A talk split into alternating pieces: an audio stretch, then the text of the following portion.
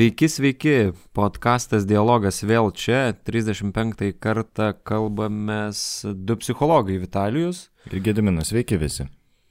Šiandien mūsų epizodo pavadinimas keblus, nes mes jo nesugalvojom prieš pat epizodą, bet taip šiek tiek užsiminėm, pasikalbėjom vienas su kitu, kad tikriausiai galima pavadinti, ko mes gailimės. Gali būti, kad epizodai rašius jau pavadinime bus kitas, bet turbūt bus šitas, ar ne? Žiūrėsim, laikas parodys. Jo, laikas parodys.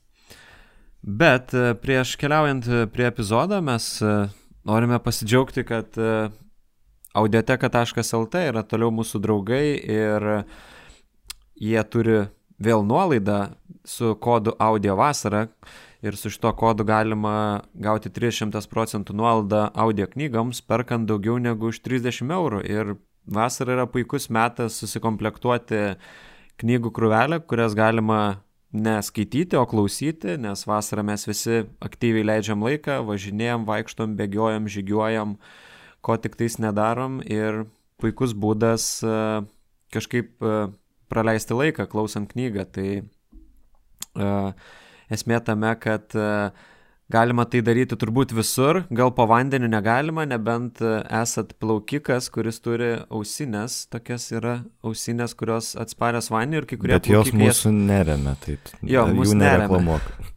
Jo, bet jeigu jūs turite tokias, tai galit netgi plaukdamas po vandeniu ar plaukiant vandenį klausyti audio knygų. Kitais atvejais turbūt teks tą daryti kažkur sausumoje.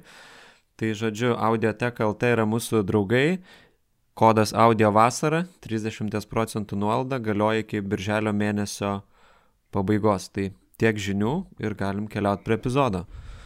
Jo. Tai šiandien mes kaip ir planavome kalbėti apie, uh, atrodo, anglų kalba net lengviau pasakyti, apie regret. Uh, lietuvių kalba kažkaip taip neskamba apie gailėjimąsi, apgailestavimą, apie tai, ko gailimės, nu, va, apie tą reiškinį, kai mes kai sakome gailiuosi kažko ir kas čia vyksta su mumis ir kaip tai vyksta. Ir neatsimenu, kaip nusprendėm kažkaip, gal tu Vitalijų pasiūlė tą temą, man pasirodė įdomi, tiesiog sutikom ir kaip visada neįsivaizduojam, kas iš to išeis. Nuo ko tau aš... Vitalijų norėtųsi pradėti? Tai vad gal ir nuo to žodžio regret, kad vat, anglų kalboje tai kažkaip jis labai aiškus apie ką tai yra.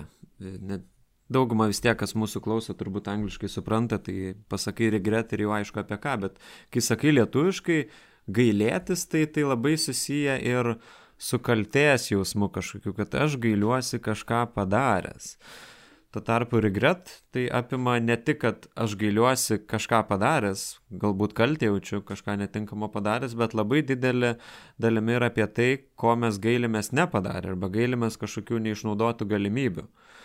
Tai čia, čia turbūt ir yra to, to žodžio pilnumas, to angliško termino. Aišku, ir liet, lietuviškai galim sakyti, gailiuosi to ir to nepadaręs, bet man kažkaip pasak, pasako žodį žmogus gailėtis, tai žinai, iš karto teismo procesas baudžia žmogų ir aš gailiuosi padaręs tą ir tą. Nežinau, Tau kokios asociacijos?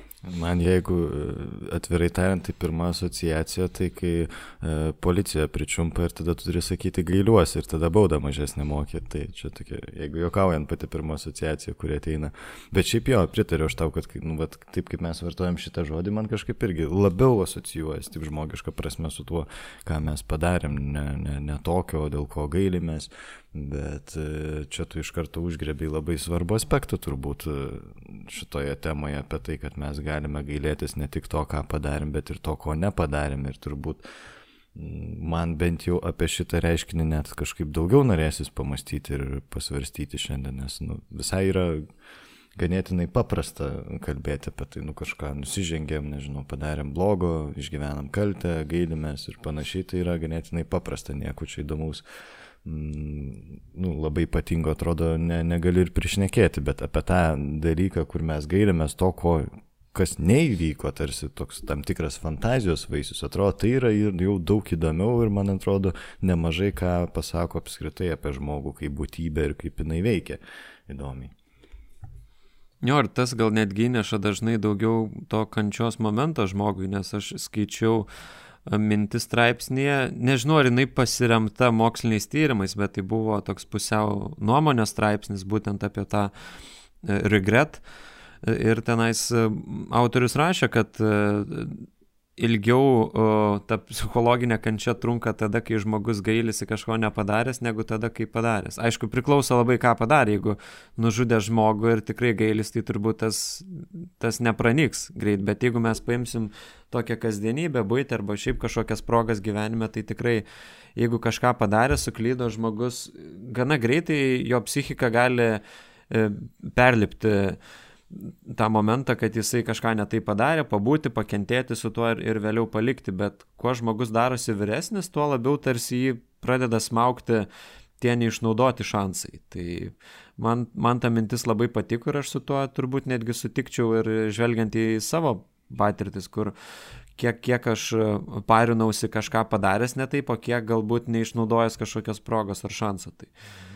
Geras, tai tu skaitai tyrimą, kuriame buvo kažkaip kalbama apie tai, kad vyresnio amžiaus žmonės labiau gailisi to, ko nepadarė.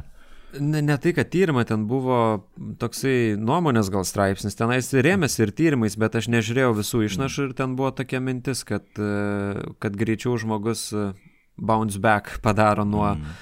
nuo to, ką jis padarė galbūt ne taip, nuo klaidos kažkokios, negu nuo neišnaudoto šanso. Ir tai didėja tarsi netgi su, turėtų didėti su su amžiumi, nes mm. realiai paėmus, kuo mes daromės vyresni, tuo daugiau atsiranda visokiausių gyvenime progų, tuo daugiau reikia priimti sprendimų, o iš esmės sprendimo prieimimas visada yra pasirinkimas kažko ir atsisakymas kažko, kad mes, nu, kaip tu sakei, nekartą pasmerkti esame rinktis, kad mes negalime nesirinkti. Ir per gyvenimą žmogus tikrai sukaupė turbūt e, nemažą bagažą tokių vietų, kur jisai, nu, gailėsi kažko nepadaręs, kažkokios progos neišnaudojęs. Įdomu apie tą amžiaus skirtumą, nes aš vienoj irgi perskaičiau cituojamą tyrimą apie tai, kad uh, tarsi uh, vat, ieškojo irgi sąsojų su to skirtingo pobūdžio gailėjimus ir pasirodo, kad žmonės labiau gailisi to, to, ką jie padarė, kas nu, jiem kažkaip uh, kelia kaltę ir panašiai, kai jie labiau vertina savo gyvenimą tokioje trumpalaikiai perspektyvoje ten pastarųjų mėnesių, pastarųjų metų, bet kai žmonės labiau svarsta apie ilgalaikę perspektyvą, maždaug viso gyvenimo, tai tada labiau ir išriškėtas gailestis apie praleistas galimybės. Ir tai, kas nebuvo tarsi įgyvendinta į gyvenimą. Tai, bet čia galima būtų aišku svarstyti, čia šiaip žaidžiu gal lego kaladėlėmis, kad nu, vyresni žmonės yra labiau linkę persvarstyti viso gyvenimo perspektyvą, jauni žmonės galbūt labiau susifokusavę su, į dabartį.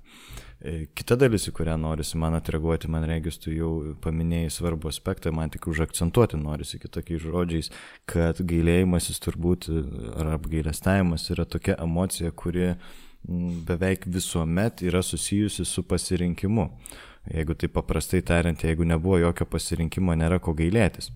E, mes galim gailėtis tik tada, kai neišnaudojam kažkokios galimybės. Ir tai labai labai daug iš tikrųjų apie žmogų pasako šitas aspektas, kad nu, apskritai žmogus kaip būtybė gali nujausti kažkokias potencialias savo egzistencijos e, variacijas, e, galimus skirtingus savo gyvenimo scenarius, kad mes turime tą vaizduotę, turime tą numatymą ir apskritai turime kažkokį balsą viduje, kuris mums signalizuoja apie tai, kas mums atrodo tarsi pagal mūsų vidinį jausmą labiau teisinga, tikra, autentiška ir kas yra mažiau teisinga, tikra, autentiška. Mes galim kažkur savo pilve ar kur, kažkur kitur pajausti tą jausmą, kai save išduodame ir tai mus dažniau lydi prie to gailėjimuose, tokio reiškinio. Ir tas, Ir tas yra įdomus dalykas, man atrodo, apie, apie žmogų, kad mes kažkuria prasme, nu, vat, Polas Tilichas yra labai gražiai pasakęs, kad žmogui jo būtis yra ne tik duota, bet ir iš jo pareikalauta.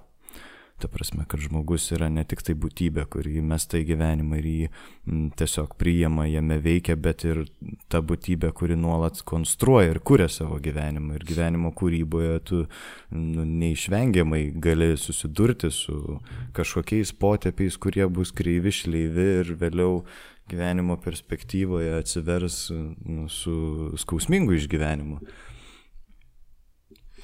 Jo, ir tai, ką tu pasakai, kad trumpalaikiai perspektyvoje, ką mes padarėm negerai, labiau atsiliepia ilgalaikiai, ko mes jau nepadarėm, tai va čia gal ir labai tiksliai netgi ir gražesniais žodžiais apibūdinta ta mintis, kurią aš bandžiau pertikti iš to straipsnio. Aš dabar galvoju, ar gali būti, kad mes net panašų straipsnį skaitėm.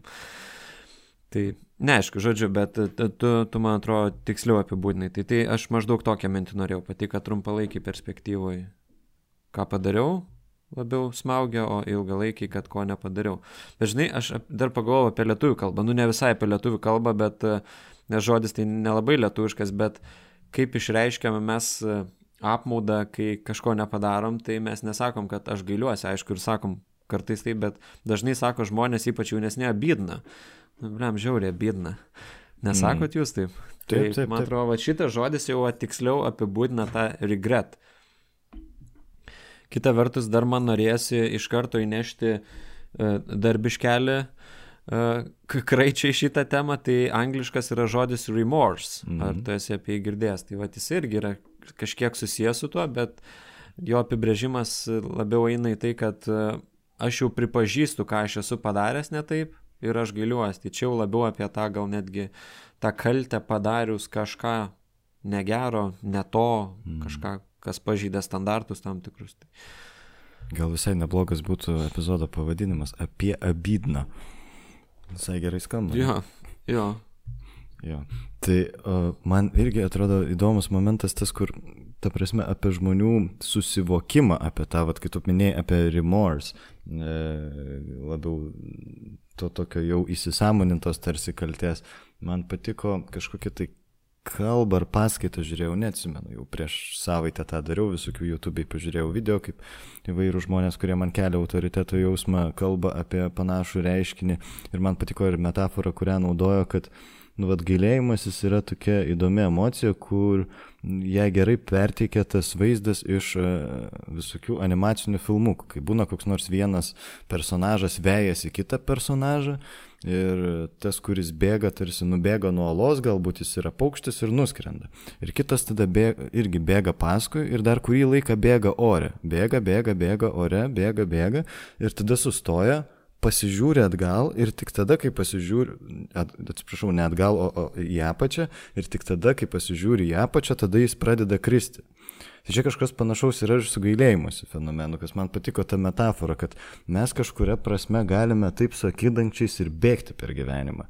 E, ir, ir net nepajausti, kad mes kažko gailimės, kad kažkas mums yra netvarkoj, bet tam, kad kiltų ta emocija, tai reikalauja kažkokio staptelėjimo, tarsi vidinio staptelėjimo, kad ne, ne visada jinai savaime ištinka. Kad, ir tas man irgi atrodo įdomi mintis ir apie tokį, nu, vat, gal net praktišką mintis apie tai, kad nu, bet populiarioji psichologija yra tas toks e, maždaug vaibas apie tai, kad, nu, bet gyvenk gyvenimą be jokio gailėšio, tarsi gyvenk taip, kad nieko nesigailėtum ir feel no regrets, my friend ir taip toliau. E, kita vertus, nu, bet galima būtų čia irgi kontrargumentuoti šitai minčiai, kad nu, bet neturėjimas gailėjimosi jausmo arba negeba jo įpajusti yra vienas iš psichopatinio asmenybės sutrikimo simptomų. Tai ir ar tai tikrai yra tokia jau siektina vertybė? Taip, vat, man kažkaip tas asocijuojasi iš tiesų su tokiais uh, užsidėjimo akidangčių, užsikišimo ausų ir varimų kaip traukiniu per gyvenimą ir niekada nesustojant ir net ne, nepaklausant savęs iš tikrųjų, kas man yra reikšminga, kas yra man svarbu. Ir čia yra tas vat, vienas iš elementų, kuris man atrodo labai svarbus, kad mes taptelėję galime pajausti tą gailėjimosi tarsi emociją, kuri mums uh, nu, vat, viena vertus gali mus slėgti, kita vertus mus gali informuoti, tarsi kaip informacijos šaltinis, vidinis, apie tai, kas mums gyvenime yra svarbu, apie mūsų vertybės, apie mūsų prioritetus ir tai, kad mes kažko praeitie, kažkokio pasirinkimo gailimės, tame yra informacija kažkokia užkoduota. Tai, kad mes vis dar nerimstame apie tai. E, informaciją, kurios galbūt mes vis dar neperskaitėm ir neįsisąmoninam. Galbūt įsisąmoninom, bet bet kokiu atveju tai yra svarbus šaltinis apie tai, kas mums yra svarbu, kokio gyvenimo mes tikimės, norime ir na, visada žmogui yra tas plyšys tarp to, koks esi ir koks galėtumai būti. Nu, bet vėlgi, kaip ta, ir Tilicho citata, kad žmogaus būtis ne tik duota, bet ir pareikalauti. Šia prasme, gailėjimasis kaip emocija yra kaip geras kompasas ta kryptimi, kaip galėtų būti. Ir tokia ne, ne blogąją prasme, bet ir gerąją prasme. Nu, vėlgi tai priklauso nuo žmogaus santykio su gailėjimus. Vienas irgi iš depresijos fone esančių dalykų yra nuolatinis gailėjimasis dėl visko. Tai tai virsta tokia saviplaka, tai jau yra destruktyvus santykis su tuo, bet konstruktyviaja prasme tame yra labai daug svarbios info. Man įdomu iš tikrųjų, kiek, kiek žmonės apie psichopatiją galvoja, kai jie skaito vat, tokias citatas. Manau, mažuma žmonių vis tiek galvoja labiau apie tas neišnaudotas progas, bet jeigu jau užsiminė apie psichopatiją, tai užmečiau ir aš akimis į vieną straipsnį, kur anksčiau šiaip gana populiari buvo tokia uh, nuomonė, kad uh, kad psichopatijos bruožų išreikštų turinti žmonės, tai jie nejaučia to jausmo, to regret, to gailėšio. Tai dabar jau tie naujesni duomenys rodo, kad jie jaučia, tiesiog jie juo nesivadovauja, vad kaip tu sakai, kaip informacijos vienetų. Tai tiesiog jiems jisai, jų, jų pasaulio matymė jisai nėra joks markeris, kad kažką čia reikia daryti kitaip, bet nereiškia, kad jie jo nejaučia. Tai čia, čia turbūt tas, tas labai svarbus momentas, kad e, gailėjimasis veikia kaip informacijos vienetas. Ir jeigu pažiūrėsim iš evoliucinės psichologijos perspektyvos, tai psichologai evoliuciniai sako, kad e, to gailėšio kaip ir funkcija yra, yra kad praeitie padarytos klaidos nesikartotų, kad jeigu aš kaž, kažko gailiuosi, kaž, kažką padariau ne taip, kad nu, šitas elgesys nesikartotų. Bet yra ta kita pusė jau, kur čia jau turbūt evoliucinė psichologija nebepadeda atsakyti, tai kam mums tada reikia gailėtis dalykų, kurių mes nepadarėm. Nes apie dalykus, kuriuos mes padarėm, tai viskas ok, evoliuciškai viskas sueina logika puikiai. Bet kodėl mes tada tiek save kankinam, pjaunam ir plakam už tai, ko mes nepadarėm? Čia toks labai atviras klausimas. Mm -hmm. Bet tu gerą labai klausimą keli ir man tai jisai kažkaip šitoj temai nu, toks atsiveria kaip vienas svarbiausių, kame, kame reikalas.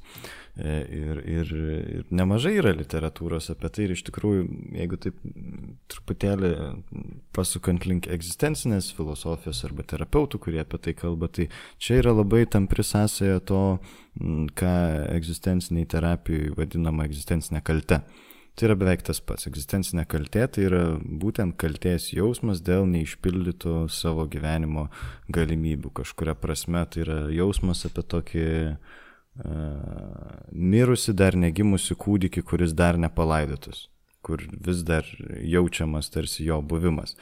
Ir uh, Ir čia yra tas momentas įdomus, kad e, nu, vat, daugybė įvairių autorių rašo ir būsų turbūt kasdienio gyvenimo patirtis nu, gali paliūdyti apie tai, vat, kai tu klausi e, klausimo, kodėl mes tai gailėmės, bet čia jau net nekyla klausimo, ar mes tą darom faktas, kad mumise egzistuoja toks fenomenas, toks reiškinys, kad mes gailimės to, ko nepadarėme ir mus kažkaip taip kankina mm, tie daly, to, tos kažkokios nu, vat, ne, neįgyvendintos gyvenimo galimybės, kažkokie nenugyventi gyvenimai, kuriuos mes nepasiryžom, nežinau, kažkaip uždarėm save, sustabdėme nuo to, nedrysome e, pasirinkti vieno ar kito kažkokios gyvenimo galimybės. Ir Ir čia yra įdomus momentas, apie ką nu, vat, įvairius autoriai e, kalba ir įvairiausiais terminais, žinai, čia galima būtų mėtyti tokius terminus ten kaip e, savirealizacija, ten individuacija, savęs augimas, kažkokio autentiškumo atskleidimas ir, ir panašus įvairiausi terminai, apie ką kalba mm, skirtingos teorijos, skirtingas savokas naudodami, bet atrodo, kad visi jie fiksuoja tokį vieną svarbų fenomeną, kad žmogus yra tokia būtybė, kuris egzistuoja ne tik tai aktualiai, bet ir potencialiai. Tai yra, kad žmogus ne tik tai veikia tame, kame yra, bet žmogus ir nuolat jaučia ir įsivaizduoja, ar bent jau turi kažkokį, nu, vat, nu, vat, vidinę kažkokią, nežinau, radio sistemą, kuri nuolat transliuoja kažką apie tai, kaip galėtų būti. Tai yra apie galimą potencialę savo gyvenimo kažkokią formą ar kryptį. E, ir vėlgi čia irgi įvairios teorijos skirtingas savo savokos, nu vieni vadina savastis, kiti ten superego, kiti ten e, vidinė sąžinė, kiti vidinė jūslė, kiti dar įvairiausiais terminais priklausomai nuo skirtingų paradigmų psichologai mėgina kažkaip užčiuopti tą tokį fenomeną ir reiškinį vadindami skirtingomis savokomis. Tai turint omeny, kad įvairiose teorijose tas yra ir tai atitinka gyvenimo realybę praktinę, tai galima būtų kalbėti apie tai, kad nu, tas fenomenas yra tikras. Ta prasme, kad e, jausmas mūsų gyvenimo galimybių yra toks pat tikras kaip įgyvendintos gyvenimo galimybės. Ir tai yra tiek pat rimta nemažiau rimta yra įsivaizduoti, kad, okei, okay, galėjau aš ten praeitie, nežinau, pasirinkti kitą gyvenimo kryptį, įstoti, nežinau, į, į, į kitą specialybę, ar ten pasirinkti kitą gyvenimo partnerį, ar gyventi kitoje šalyje, ar netekus artimoje galėjau kitaip su juo bendrauti ir čia so on and so on and so on. Ir iš tiesų, tai, kas, pavyzdžiui, kalbama apie vidurio amžiaus krizę, tai neretai žmonėms su trenksmu pasivyja tas sąžinės balsas ir trenkia per pakaušį ir supurto gyvenimą apie tai, kad palauk, palauk, tai gal tu vis dėlto nugyvenai ne tą gyvenimą, kuris kažkur ten tavo viduje tas kompasas signalizuoja, koks jis tarsi galėjo būti buvęs ar galėtų būti. Ir čia, man atrodo, nu, va, toks labai įdomus reiškinys, kur aš tikrai nesakyčiau, dėl ko tai yra žmoguje, nes čia jau gal reikėtų pereiti prie kažkokių, nežinau, filosofinių, metafizinių ar teologinių ar dar kokių nors teorijų, bet kad tai yra, tai nebejotin. Jo, tai vat, jungistų podkastė amerikietiškam kaip tik girdėjau gražų įsiriškimą irgi vat, apie tą vidurio amžiaus krizę, kurie sako, kad į duris beldžiasi, kaip sakai, nenugyventas gyvenimas ir nepasirinkti keliai. Hmm. Path, paths, paths not taken. Labai negražiai ištariu, bet nes mes nu visada renkamės kaž, kažkokį kelią ir vat, paskui susimastom, kad o kodėl aš to nepasirinkau, kodėl ano nepasirinkau. Ir čia vat keblumas yra to jausmo, kuris kyla to, to apmaudo, to gailėjimosi, kad jisai tą akimirką neveikia, kad tada, kai tu gali kažką ištaisyti ir kažką pataisyti, tu neturi to jausmo, tada, kad jis ateina jau gerokai vėliau. Ir čia pasidaro keblu, nes dažnais atvejais, nu, yra tokių situacijų gyvenime, kur tu niekaip nebesugrįši ir kartais belieka, nu, tik priimti kažkokią realybę ir žiūrėti, kokios galimybės yra nuo dabar, kad, nu, tu negali, yra tikrai tokių vietų, kur tu gali sugrįžti ir pataisyti, nu, vad, gailiuosi, nenukeliavau ten, nežinau, į, į Prancūziją ar ten į kažkur, tai, vad, galiu kažkada vėliau nukeliauti, bet, pavyzdžiui, gailiuosi, kad nesusilaukiau vaikų, tai yra toks amžius, nuo kurio viskas, basta, vaikų nebebus, tai tada variantai kažkokie kiti lieka, ar ten įsivaikinimas, ar kažkaip kitaip tą prasme kurti. Ir nu, daug, daug tokių situacijų susideda, kur, kur mes tikrai nieko negalim pataisyti. Mm. Ir žinai, man čia dar atėjo ta mintis, vat, kai tu kalbėjai, vis dar to, to paties klausimo erdvėje, kodėl mes, nu, vat, taip gailimės to, kas neįvyko. E, galima būtų įnešti tokį kampą, kad, nu, vat, e, žmogus irgi uh, jeigu taip dar kažkaip pildant tuo kampu, kad ne tik yra tiesiog gyvenantis, būnantis savo, nežinau, duotą baigtinę egzistenciją, bet tuo pat metu žmogus yra ir atsakingas už savo būti. Ir šitas atsakomybės elementas jis yra labai svarbus. Nu, vat, man patinka Franklis, e, kokį tokį posūkį minties daro, kad e, kai sako, kad daugybė žmonių ten kelia klausimus apie gyvenimą, kokia gyvenimo prasme, ko ten norisi iš gyvenimo, kas svarbu gyvenime. Jis paima ir apsuka tą klausimą, sako, ne žmogus kelia klausimus apie gyvenimo prasme, bet gyvenimas kelia klausimus žmogui ir žmogus yra atsakantis, atsakingas, kaip atsakinga atsakanti būtis, e, reaguojantis savo gyvenimu, rašant savo gyvenimo istoriją, savo gyvename laike, tuos atsakymus į gyvenimo keliamus uždavinius ir klausimus.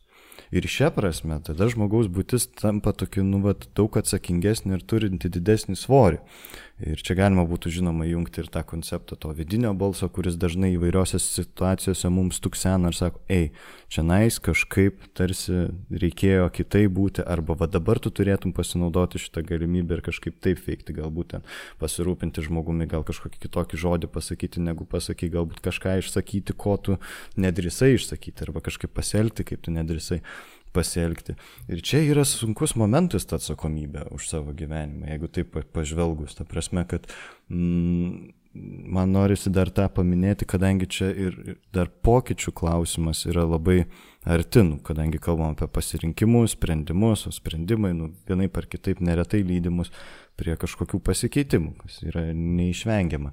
Aš man regis, Patreon platformai, mūsų Patreon remėjom daromuose QA mėnesiniuose kažkada buvau minėjęs apie tą e, pokyčių e, reiškinio aspektą, apie kurį mažai kas kalba, nes visi kalba, kad oi čia tobulėk, ten, nežinau, augink save, ten save aktualizuok, atras save ir, žodžiu, keiskis, keiskis, keiskis, keiskis, keiskis. Ir čia viskas yra faina, gražu, gerai, tik augimas ir panašiai. Prisiminus vienos knygos pavadinimą, kad nušvitimas yra sušiktas dalykas, galima būtų įvesti čia šiek tiek kitokį kampą apie tai, kad pokytis ne tik reikalauja to kažko naujo įnešimo į gyvenimą, ko mes visi trokštam kaip kažkokie narkomanai, vis naujumo, naujumo, naujumo, naujumo. Kažkuria prasme ir mūsų vartotojiškos visuomenės atspindys, bet pokytis visą laiką reikalauja ir kartu pripažinimo, kad visa tai, kas buvo iki pokyčio momento, nebūtinai visa tai, bet kas susiję su tuo pokyčiu, visoje tavo gyvenimo perspektyvoje yra išvaistyta, išmesta iš šiukšlių dėžę. Ta prasme, jeigu tau yra 40 metų ir tu pajunti ir atsiveri tam vidiniam balsui, kuris sako, kad tu visiškai ne tą kryptimį eini, ten visiškai ta profesija, kurios tu nemėgsti, tu svajoji apie ką kitą, nežinau, ten visą laiką vaikystėje dainuodavai, visą laiką tavim džiaugiasi ten, mokykloje laimėjai kažkokį, nežinau, konkursą dainavim, stoja į fakin teisę, nes ten patvarkinga, nes tėvai taip sakė, nes uždirbi pinigus ir panašiai. Ir tada 40 supranti, kad aš nekenčiu savo darbo. Tai ką tai reiškia? Tai reiškia, kad reikia pripažinti, kad bent 20 metų tu bent 5 dienas per savaitę, bent 8 valandas per dieną tu išvaistai kažkuria prasme. Nu taip, tu gali vėl sus, kažkaip įprasminti tai, atrasti tai, ko tu išmokai, ką tu patyrei, kaip tu augai per tą laiką, bet kartu tai reikalauja ir pripažinimo, kad tai nebuvo teisinga. Ir dėl to čia yra labai tas sunkus momentas ir ne, man regis čia vienas iš elementų, dėl ko žmonės nesijama pokyčių, vengia pokyčių ir dėl ko neretai e, sunkiai prieina apskritai prie tokio jausmo kaip gailėjimasis dėl kažkokių gyvenimo galimybių neišnaudo. Tai prasme, kad žmogus linkęs vengti šito jausmo. Galima būtų taip kažkaip įvardinti. Nu, nes tai byloja apie tai, ką tu sakai, kad daug laiko, ką aš prieš tai dariau, buvo šūdas, taigi žmogus tada išgyveno tokį milžinišką, milžinišką kognityvinį disonansą, kur, kurį, kurį išbūti yra sunku. Žinai, vienas dalykas nusipirkti kažkokį daiktą ir pripažinti, kad tu nusipirkai šūdą, o kitas dalykas, kaip tu sakai, pripažinti, kad gal aš 10, 15 ar 20 metų gana šudinai nugyvenau neautentiškai, ne taip, kaip norėjau. Tai, ta, tas svoris ir kaina visai kitokia, todėl nu, įsijungia kažkokios gynybos mūsų sąmonės, kurios nori tą vertę išlaikyti, kad tai gal, gal čia kažkas vertingo buvo, gal pasiknaisiokim, paieškokim. Ir tikrai nemanau, kad visais atvejais reikia vat, daryti taip, kaip tu sakei, kad nu, nubraukti viską, kad uh, viskas buvo blogai, nes tikrai labai verta žmonėm, kurie gailisi kartais ir paieškoti to, tai kas buvo tame prasminga, gal yra tikrai neįvertintų dalykų, kur, kurie buvo prasmingesni negu atrodo iš, iš tam tikros perspektyvos. Tai... Mm, čia norisi man tave pratesti, nes keletas svarbių momentų paminėjai, kurie man atrodo irgi vertingi aptarti šitoje temoje apie kognityvinį disonansą ir gynybas. Tark kitko, yra socialinės psichologijos viena iš teorijų, tai yra kalbant apie kognityvinį disonansą, kuri e, netgi turi savo tokį atskirą konstruktą, kuris vėlgi anglų kalboje man bent jau gražiau skamba, tai yra post-decisional regret. Tai yra gailėjimasis, kurį mes jaučiame iš karto po sprendimo prieimimo. Ir kognityvinio disonanso teorija yra iš ties visai įdomi, kuri kalba apie tokius, nu, vat, e, nedarna tarp mūsų įsitikinimų ir tarp mūsų gyvenimo veikimo ir ką žmogus tada su, ta, su tuo nederėjimu, su tuo nu, disonansu e, veikia. Ir e, kognityvinio disonanso teorija sako, kad tas kognityvinis disonansas tai yra ta įtampa tarp to, kas vyksta gyvenime ir mūsų įsitikinimų, neretai kyla tada, kai mes veikia priešingai, arba nebūtinai priešingai, bet kažkaip tai disonuoja su mūsų vertybėmis ir įsitikinimais. Tai ir tas labai susiję čia su pasirinkimais ir su gailėjimu. Kai mes pasirenkam kažką, kas jaučiame, kad truputėlį disonuoja su tuo, kas yra mūsų vertybės, kas, ką mes teikiam prioritetą, tai vėliau mus ištinka tokia psichinė įtampa, su kuria mes turime kažką daryti. Man šiek tiek paviršutiniška šita teorija atrodo, bet jinai užgrėbė vis vieną svarbų aspektą. Nu, vat, kad kai mes tą atliekam tarsi ir gyvenam tada su įtampa. Kai priemėm sprendimą, kuris nedėra su mūsų įsitikinimais ar vertybėmis. Ir ką mes su tą įtampą darom. Ir čia kognityvinio disonanso teorija visai įdomi yra atradus uh, nu, va, tokių dalykų, kur konceptualizavo tam tikras gynybas, ką mes darome, kai taip nutinka. Ir, ir gal čia prieš tas gynybas kalbant dar norėčiau paminėti, kad jie taip pat tyrinėjo apie tai, nu, va, kokios situacijos, kokie pasirinkimai, tiksliau, kokie faktoriai pasirinkimo situacijose e, yra susiję su tuo post-decisional regret, su tuo gailėjimus. Ir nu, vat, vienas iš dalykų yra, kaip renkame svarbius dalykus. Žinoma, retai, gai, kada gailėmės mes apie tai, ką trečiadienį pusryčią nuvalgėme, ar ten, nežinau, vižinę košę, ar ten sausus pusryčių, ar dar ką nors sumuštinį. Tai, tai yra nereikšminga. Galiu labai trumpai įsiterpti. Žinoma. Yra, yra žmonės, kuriems didesnį sprendimą yra lengviau padaryti, negu kartais vat, sugalvot, ką pusryčiam valgyti. Kad yra žmonių, kurie gali lengvai priimti, tai aš keičiu darbą, aš perku mašiną, aš perku būtą, bet o ką valgyti pusryčiam, tai plemba kančia tada. Uh, Tai čia nu. toks off, off topic, bet... Kad... Jo, bet čia reikėtų gilintis į tai, ką tu jo. sakei, išsiplėsti. Bet jo, kognityvinio disonanso teorija vis tik teigia, kad su didžiaisiais gyvenimo pasirinkimais yra labiau susijęs post-decisional regret, tai kas labiausiai liečia profesinę perspektyvą, partnerio pasirinkimą, gyvenamosios vietos pasirinkimą ir uh, iš esmės galima būtų sakyti, kuo mes užgyvename laiką savo gyvenimo.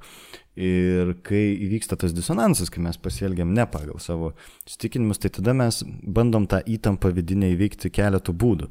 Tai yra e, vienas iš būdų yra nureikšminti to svarbą. Ta prasme, viduje tarsi savo susidėti tokią racionalizaciją, kad, nu, nėra čia vis tik tai toks svarbus dalykas. Kitas būdas yra tarsi atsijimti sprendimą. Uh, Ir tas atsiemimas sprendimo, nu, vat, gali vykti irgi visokiais būdais įdomiais. Galima tada, e, pavyzdžiui, savo viduje paaiškinti, kad čia kažkokios aplinkybės sukrito. Nu, vat, kitaip negalėjau. Būna klientai neretai sako, kad, nu, vat, neturėjau už ko rinktis, jau reikėjo tą daryti, nu, bet visada iš tikrųjų pasirinkti, tik savo paaiškinti tokiu būdu. Ja, kad priverta kažkas tarsi.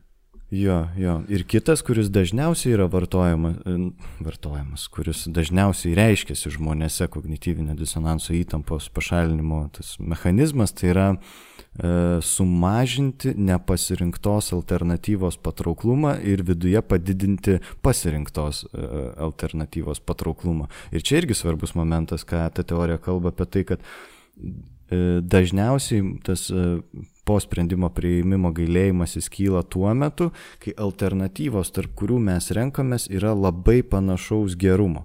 Prasme, natūralu, mes daug mažiau gailėsimės, jeigu mes uh, renkamės, tarkim, sudarimam dviejose darbo pokalbėse, kur viename yra geras atlyginimas ir mums įdomus darbas ir geras kolektyvas, kito mažas atlyginimas, neįdomus darbas. Nu, tai tikrai nesigailėsim, pliusai minusai aiškus, bet kai labai panašu tai yra, tai tada atsiranda to disonanso, kai pasirenki vieną alternatyvą, tu iš karto uh, tuo pat metu suvoki, kad šitas tavo pasirinkimas turi kažkokius ribotumus, kurių neturi kitas ir kad kitas turi privalumus, kurių šitas neturi. Nors ir tarsi nusvėrė šitas sprendimas dėl kitų savo privalumų, bet mes iš karto tą suprantame.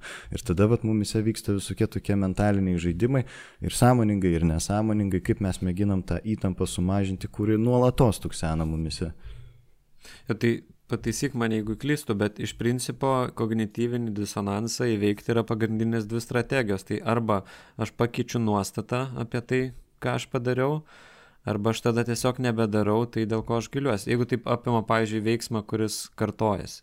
Nu, tarkim, paimkim rūkimą, tai aš rūkau, bet aš svarstau, kad čia gal nesveika, ką kiti pagalvos, gal man nepatinka rūkantys žmonės, tai yra du variantai. Arba aš neberūkau ir toliau galvoju, arba aš tada tiesiu rūkimą, bet tada pakeičiu savo nuomonę apie jį. Tai vienas iš dalykų yra pakeisti nuomonę, galima sumažinti to svarbą. Nu, va čia kaip tie aspektai, kurie minėjau, galima sugalvoti visokių dalykų, kuo yra patrauklu rūkyti ir kuo fainai krūtai ir kuo nerūkyti yra neįdomu, jeigu čia taip apie tą pasirinkimo patrauklumo didinimą ir galima, nu, vat, tarsi, kaip minėjau, tą atsiemimą sprendimo. Tai yra, kad, nu, vat, pavyzdžiui, nu, priklausom, negaliu nerūkyti tarsi nusijėmė atsakomybę nuo, nuo, nuo, nuo to aspekto. Tai. Ir aš nebejoju, kad čia įvairesnių būdų yra, čia tiesiog aš labiau atsiriamiu į kognityvinę disonanso teoriją, ką jinai kalba. Jo, ir dar kodėl vat, sunku vat, ilgalaikį perspektyvoje, kaip tu sakai, vat, nubraukti, vat, kad 20 metų kažką dariau ne taip, nes yra irgi įdomus psichologų tyrimai padaryti, kurie sako, kad jei kuo, kuo žmogus daugiau investuoja į kažkokią veiklą, tai tuo jam yra sunkiau vat, atsisakyti ar, ar nubraukti tą svarbą jos. Tai ir įdomu, kad čia ne tik pas žmonės šitas mechanizmas stebimas, bet ir bežionio elgesie tas stebimas dalykas. Tai reiškia, kad, nu, kad čia ne, nėra tik žmonėm unikalus dalykas, kad bežionė irgi gali, kuo, kuo, kuo ilgiau jinai investuos laiko į kažkokią užduotį, tuo jai sunkiau bus vat, nu, nuo jos kažkaip atitolti arba nebedaryti, jos ir pasirinkti kažką kitą daryti, nes va čia irgi įeina tas momentas, nu, mūsų laiko vertimo, tai mes savo laiką branginam ir jeigu, brambo, aš investavau 5 ar 10 metų į kažką, tai kaip lievai bus dabar nubraukti viską ir kažką kito daryti. Tai. Nu, yeah, it's no piece of cake pasakyti, kad gyvenimo dalis didelė ir buvo neprasminga ir kažkaip susidurti su tą akistata. Tai mm, iš ties gal čia taip vėlgi atsispiriant nuo kognityvinio disonanso teorijos galima būtų teikti e, tarsi tokį vat, tezę apie tai, kad žmogus yra linkęs visai kaip savyje E, konceptualizuoti savo gyvenamą gyvenimą taip, kad tarsi tai dėrėtų su tam tikrom vertybėm, įsitikinimais arba tai kažkaip būtų pateisinama. Ir man regis tai yra susiję su e, tokiu gilesniu aspektu, vėlgi apie ką šiaip rekomenduoju, pasinaudosiu progą Polo Tilicho drąsa būti knygą paskaityti tiem, kas neskaitė labai gili, šiaip nėra lengva knyga, bet ir sukrečianti, jeigu ją iš širdį įsileidai, ką jisai kalbėjo apie tokius, nu, vat įvairias apie, apie tokias nerimo formas, kurios yra tiesiog duotos mūsų egzistencijai. Ten pavyzdžiui, nu, vat, baigtinumo, laikinumo nerimas, kad nu, vat, tai yra tiesiog duota ir neišvengiama ir mes mums vienais ar kitais aspektais tai kažkaip judina ir liečia ir, ir nuolatos vienaip ar kitaip neramina. Mes galime kažkaip užmaršti gyventi, bet, bet, bet tai vis viena mus kažkaip veikia. Ir vienas iš nerim, viena iš nerimo formų, apie kurią jisai kalba, tai tokia kalties ir pasmerkimo nerimo forma. Apie tai, nu, vat, kad žmogus yra vat, ta būtybė, kuri, kuri viena vertus yra kažkuria prasme, kaip jisai teigia, ten ribota laisvė.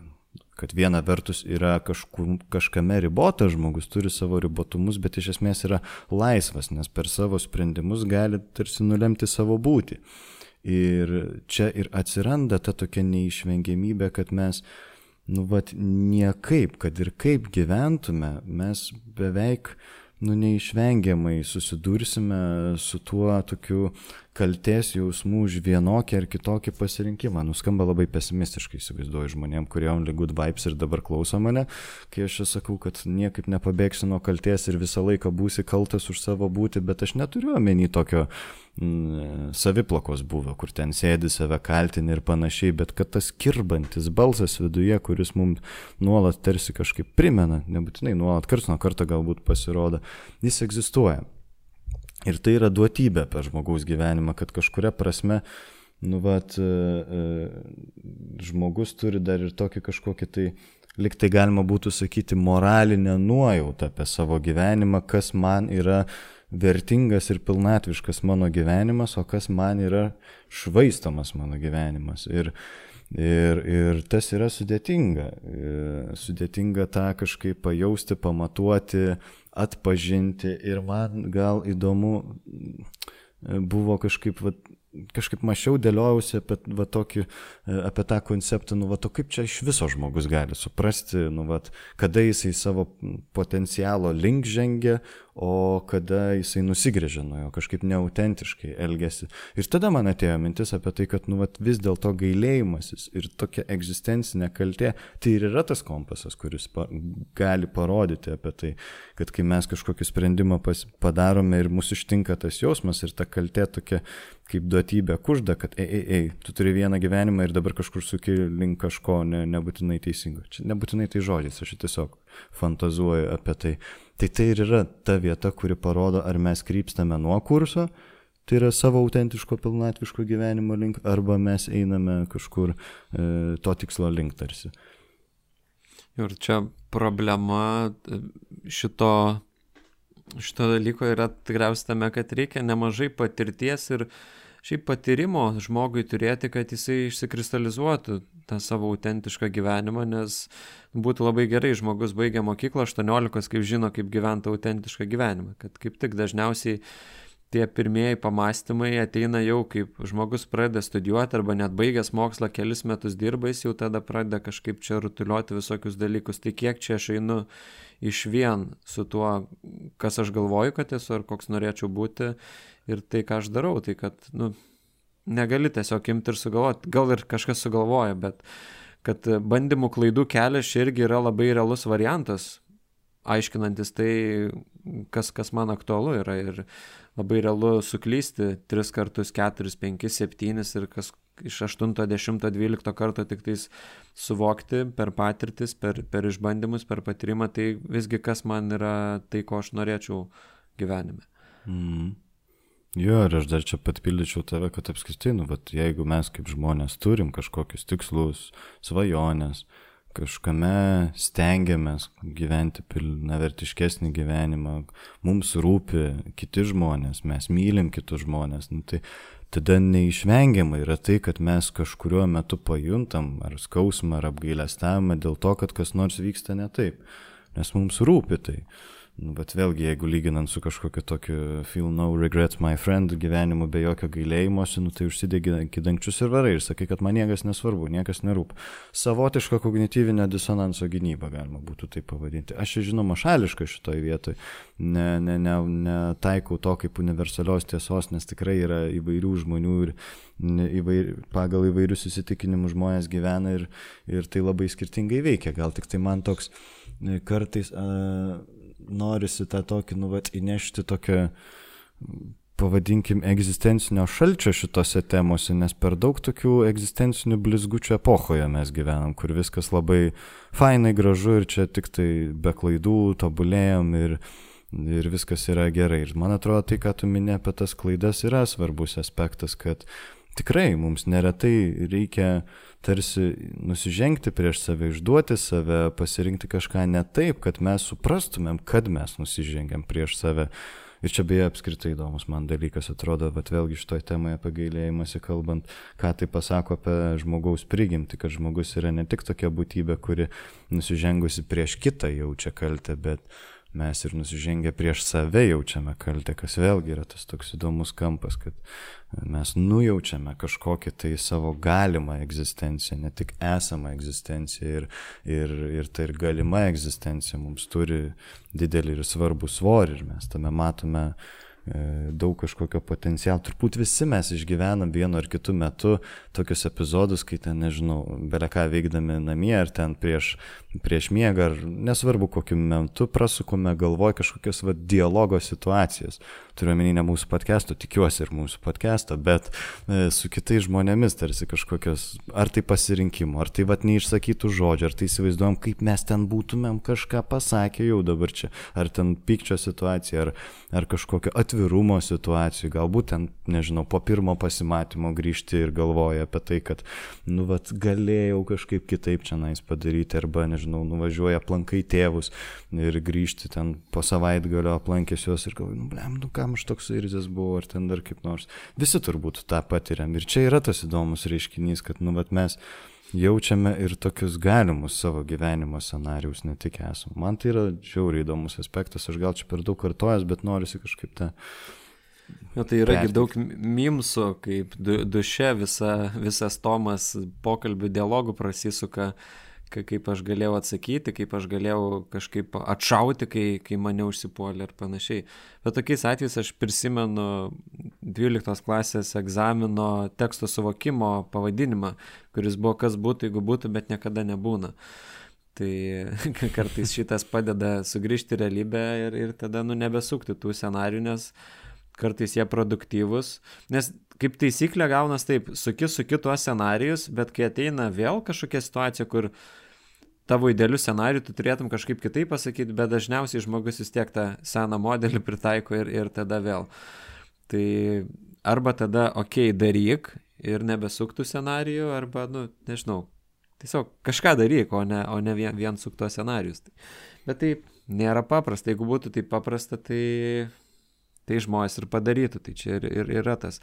Vienoje knygoje labai gerai perskaičiau mintį, kad e, psichologo kabinete dažniausiai žmonės, nu ne dažniausiai, bet gana dažnai kalba didelę laiko dalį ne apie tai, ką reikia žmogui padaryti. Nes žmogus žino, ką jam reikia padaryti. Didelė dalis laiko yra skiriama pokalbė apie tai, tai kaip čia yra, kad aš nedarau to, ką žinau, kad reikia daryti.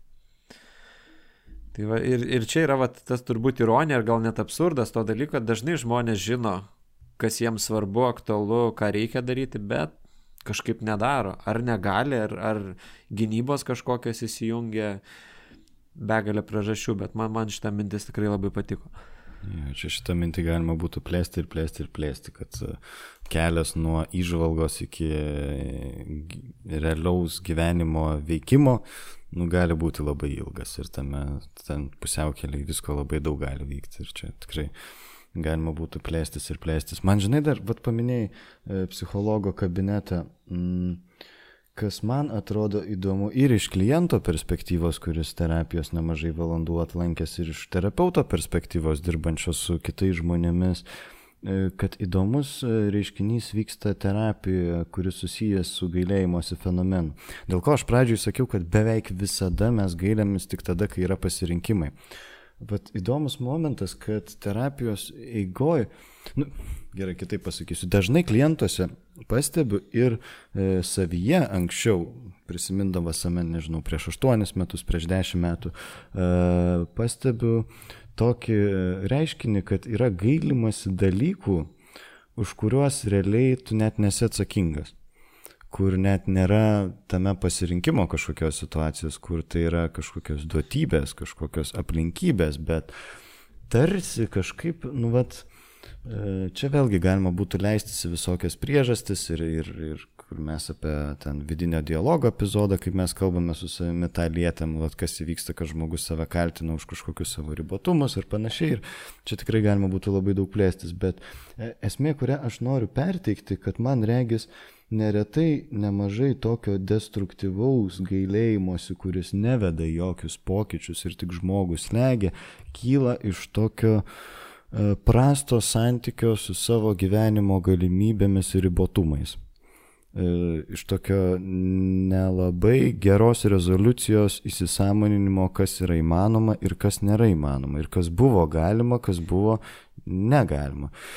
Turiu omeny tai, kad e, neretai žmonės e, gailisi dėl to, ko jie negali pakeisti ir nekeičia to, ko gali pakeisti savo asmeninės laisvės arba pasirinkimų rezultatus priema kaip likimą, o kartais likimo e, tarsi duotybės išmestas kortas priema kaip, nu, vad kaip kažką, ką jie tarsi galėjo kitaip. Ir iš to kyla begalė visokių kančių vidinių.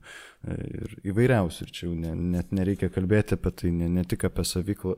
Savik, plaka, bet ir apie įvairiausius kitokius dalykus. Esmė, kad tai generuoja tokie Mm, sunkiai pakeliama įtampa, su kuria tarsi žmogus yra priverstas kažką, kažką kažkaip daryti, vienai per kitaip reaguoti į ją. Ir terapijos eigoje, e, kas man atrodo svarbu, šiaip egzistencinė terapija tą labai akcentuoja tokį, kad procese žmogus labiau pajaustų, kas yra įmanoma, kas nėra įmanoma. Ir aš pats jaučiuosi m, mm, tą perėjęs ir turintis dabar kur kas samoningesnį e, žinojimą apie savo ribotumus ir ko aš praeitie negalėjau ir negalėčiau pakeisti ir dabartinius savo ribotumus, kas man yra įmanoma, kas, kas nėra įmanoma, kas nėra apie mane. Mm, ir tas padeda atsijoti, nu, vat, paprastai tariant, grūdus nuo pelų. Ta egzistencinė kaltė, kuri gali vesti pokyčius ir mums parodyti, ei, tai, ką tu išgyveni kaip savo tragišką likimą, iš tikrųjų žiūrėk, tu čia pats pasirinkai ir, ir klientai terapijos įgoje palaipsniui tą praregi ir pamato. Ypatingai labai ryškus pavyzdys būna labai jaučiasi, kai e, karts nuo karto tenka dirbti su žmonėmis, kurie e, susirga psichinė lyga ir, tarkim, atsigula į ligoninę ir pradžioje jie tą patiria kaip likimą, kuris viską nurime, tarsi, nu, vat lyga užkloja didelį, nes iš tikrųjų tai yra didžiulis pokytis, kuris e, įneša tokio tragizmo į žmogaus gyvenimą ir tada sunku atskirti, kas yra realu, kas nėra realu, atrodo, lyga dengia visą gyvenimą bet palaipsniui e, pradeda ryškėti vaizdas, vaizdas apie tai, nu, vat, kur yra lyga, kur šalia yra gyvenimas ir kas gyvenime yra įmanoma ir kiek aš galiu kurti, kiek vis tik mano galimybių apriboja o kiek nepriboja lyga. Ir tas atsijojimas, man regis, yra labai svarbus ir netgi sakyčiau, kad veda prie tokio, mm, drįšiau teikti tokį teiginį, nes remdamas jokiais moksliniais tyrimais, labiau savo kaip žmogaus ir kaip psichologo patirtimi, kad tai veda prie retesnio gailėjimosi dėl pasirinkimų ateityje. Ta prasme, kad tada mes tarsi labiau labiau inline esam, net nežinau kaip pasakyti, labiau susigrojame su tuo savo vidiniu jausmu, kuris va įvairiose situacijose nurodo, kad va dabar tu neturėtum taip daryti, tu dabar turėtum kažkaip taip pasielgti. Esame iš vien lietuviškai turbūt gražiai skambėtų. Nu, kažkaip nežinau, man apie šeimų maršą asocijuojasi čia. Ai, jau, jau, jau tave propaganda paveikė, šeimų maršo misija reiškia įvykdyta. Jau gedas yra paveiktas. Dabar reikėtų sakyti daup. Bet tai, ką tu čia pasakėjai, at, per šitas kelias minutės, nu, susiveda turbūt į tą dalyką, kurį auksinę taisyklę galim pavadinti. Ir dar kartą norisi kočiūną pacituoti, kuris sako, kad, nu, kai mes kažko negalim, visada ir kažką galim. Ir va tas tavo pavyzdys pateiktas, kad žmogus gailisi to, ko jis jau nebegali pakeisti, bet nekreipia niekaip į galimybę savęs, tai toksai gaunas, nu visiškai ta, ta kančiai parterį pasiguldo žmogų ir Bostono krabą jam daro ir ką tu tada padarysi. Tai kol nebus atsižvelgta į tai, ką aš galiu, tai, tai tada ta kančia bus labai stipri, nes iš esmės, kai žmogus kreipia savai galimybės ir tai, ko jis nebegali pakeisti, tai nu, tas jo svoris tos kančios, man atrodo, sumažėja gerokai. Kad, kad vis tiek pati ta didžiausia kančia yra, kai aš negaliu kažko pakeisti, kas jau vyko ir dabar, vat, nežinau, ką, ką man daryti. Nes mhm. tas dabarties momentas jis yra labai, labai svarbus, nes jeigu dabartis yra kažkokia apie galimybės, apie tai, ką aš galiu padaryti, tai praeities ta nuoskauda jinai gali būti mažesnė. Aišku, nuoskaudos tos nelygios viena kitai, žinai, pagalvoju apie tarkim, sportininkus, kurie ten, žinai, lemiamus metimus prameta ir, žinai, ten finalas koks nors, nu tai blemba, žiauriai sunku yra ištrinti turbūt iš galvos tą scenariją, jeigu kitaip ten riešą būčiau pasukęs, gal būčiau tą baudos metimą įmetęs ar panašiai. Pavyzdžiui, Stevenas Gerardas, Liverpoolio kapitonas, kai tą sezoną paslydo ir prarado kamuolį ir iš esmės tas įvartis, nu, nulėmė, kad jie pralaimėjo titulą. Uh, Aišku, negali kaltinti jo, nes realiai reikėjo komandai taip žaisti, kad tokia situacija nenulemtų visą sezoną, bet kai komanda sužaidė taip, kad ta situacija nulėmė, kad žmogus paslydo, prarado kamolį ir buvo prasileistas įvartis, nu tai žiauriai turbūt sunku negalvoti apie tai ir nesukti visokiausių scenarių, tai kas būtų, jeigu būtų. Mm. Čia irgi kognityvinio disonanso teorija kalba apie tai, kai mes esame labai arti kažkokios, nu, vat, realizavimo to, ko mes labai trokštame, bet prasprūsta, tai vad kuo arčiau mes esam, tuo sunkiau tada tą išgyvenam. Kažkur net skaičiau apie pavyzdį žmogaus, dabar neatsimenu, kur skaičiau, bet žodžiu, pavyzdys buvo apie vieną vyrą, kuris ten keliolika metų lošė kažkokioje loterijoje, pirko bilietus ir ten visą laiką tą patį skaičių rašė. Ir buvo keli kartai, kada jisai pamiršo nusipirkti biletą. Vienas iš tų kartų buvo tas jo skaičius, kuris laimėjo ten, nežinau, nežinau net šalies, kur ten buvo, bet žodžio esmė istorijos, kad po to jisai nusižudė. E, skaudė istorija, žiūri istorija, atrodo dėl, nu, vat, loterijos bileto, bet čia yra apie tai, apie tą iliustruojantį istoriją, apie tokį, nu, vat, buvimą tiek arti, to išsipildymo, kurio tu trokšti ir tada mums tai yra žiauriai skaudu. Nežinau, jeigu nusipirki tiesiog loterijos biletą, nieko neišloši, tai nu, labai didelės parkės nėra tame. Bet jeigu va taip artėsi, nu, tada tas labai skaudžiai žmogų kerta. Ir tada daug sunkiau tą išgyventi ir kažkaip, nu, vat, labai ryškus tada mums visi tie scenarijai, o jeigu būčiau, o jeigu... Nu ir tada prasideda visą tie saviplaka, kaltė ir, ir čia yra tas momentas, nu vat, gal svarbu paminėti, ką mes šiaip dažnai minimėm epizoduose tarp tokio e, svorio teikimo situaciją aplinkybėms ir svorio teikimo savo kaip žmogui. Tai tas pats yra ir su gailėjimusi tuo metu, man atrodo, kai žmogus dėl dalykų, kurių jis gailisi, tik tai vos pradeda žengti žingsnį į tą pusę, kur gal tada aš blogas žmogus, tai jau nieko gero. tai jau tada nepasiims iš gailėjimosi tos informacijos, kur galėtum kažkokių įnešti svarių gyvenimo pokyčių. Nes kurių galų tu blogų žmogum turėtum rūpintis, šiaip jau. Blogų žmogų reikia nuteisti, blogą žmogų reikia pasmerkti, e, jis nėra vertas gyvenimo ir panašiai. Nu, aš čia nesakau, jeigu iškirpti iš konteksto šito žodžius, tai labai įdomiai skambėtų, čia dabar pagalvojau. Bet turiu omeny tą jausmą, kai tada dėl tų dalykų, kurių gailėsi save, nuteisi kaip blogą žmogų, tai, nu, turbūt neišvengiama, kad tada sunku tokiu žmogumi rūpintis ir kažkaip jam padėti. Tai čia, man atrodo, svarbus irgi va šitoje vietoje padeda tų ribotumų įsisamoninimas. Ir dar man norisi paminėti vieną irgi gal e, svarbę tokią detalę, kad mes dažnai, kai kažkokių dalykų gailimės, mes praeities kontekstą vertiname iš dabarties konteksto, kur dabarties kontekste mes esam žiauriai protingi, tarsi viską žinantis, kaip viskas baigėsi, kuo viskas baigėsi ir kas galėjo, kaip čia galima buvo tą šachmatų partiją kitaip sužaisti, gyvenimo šachmatų partiją ir su tuo gudrumu po laiko vertiname tą praeities aš.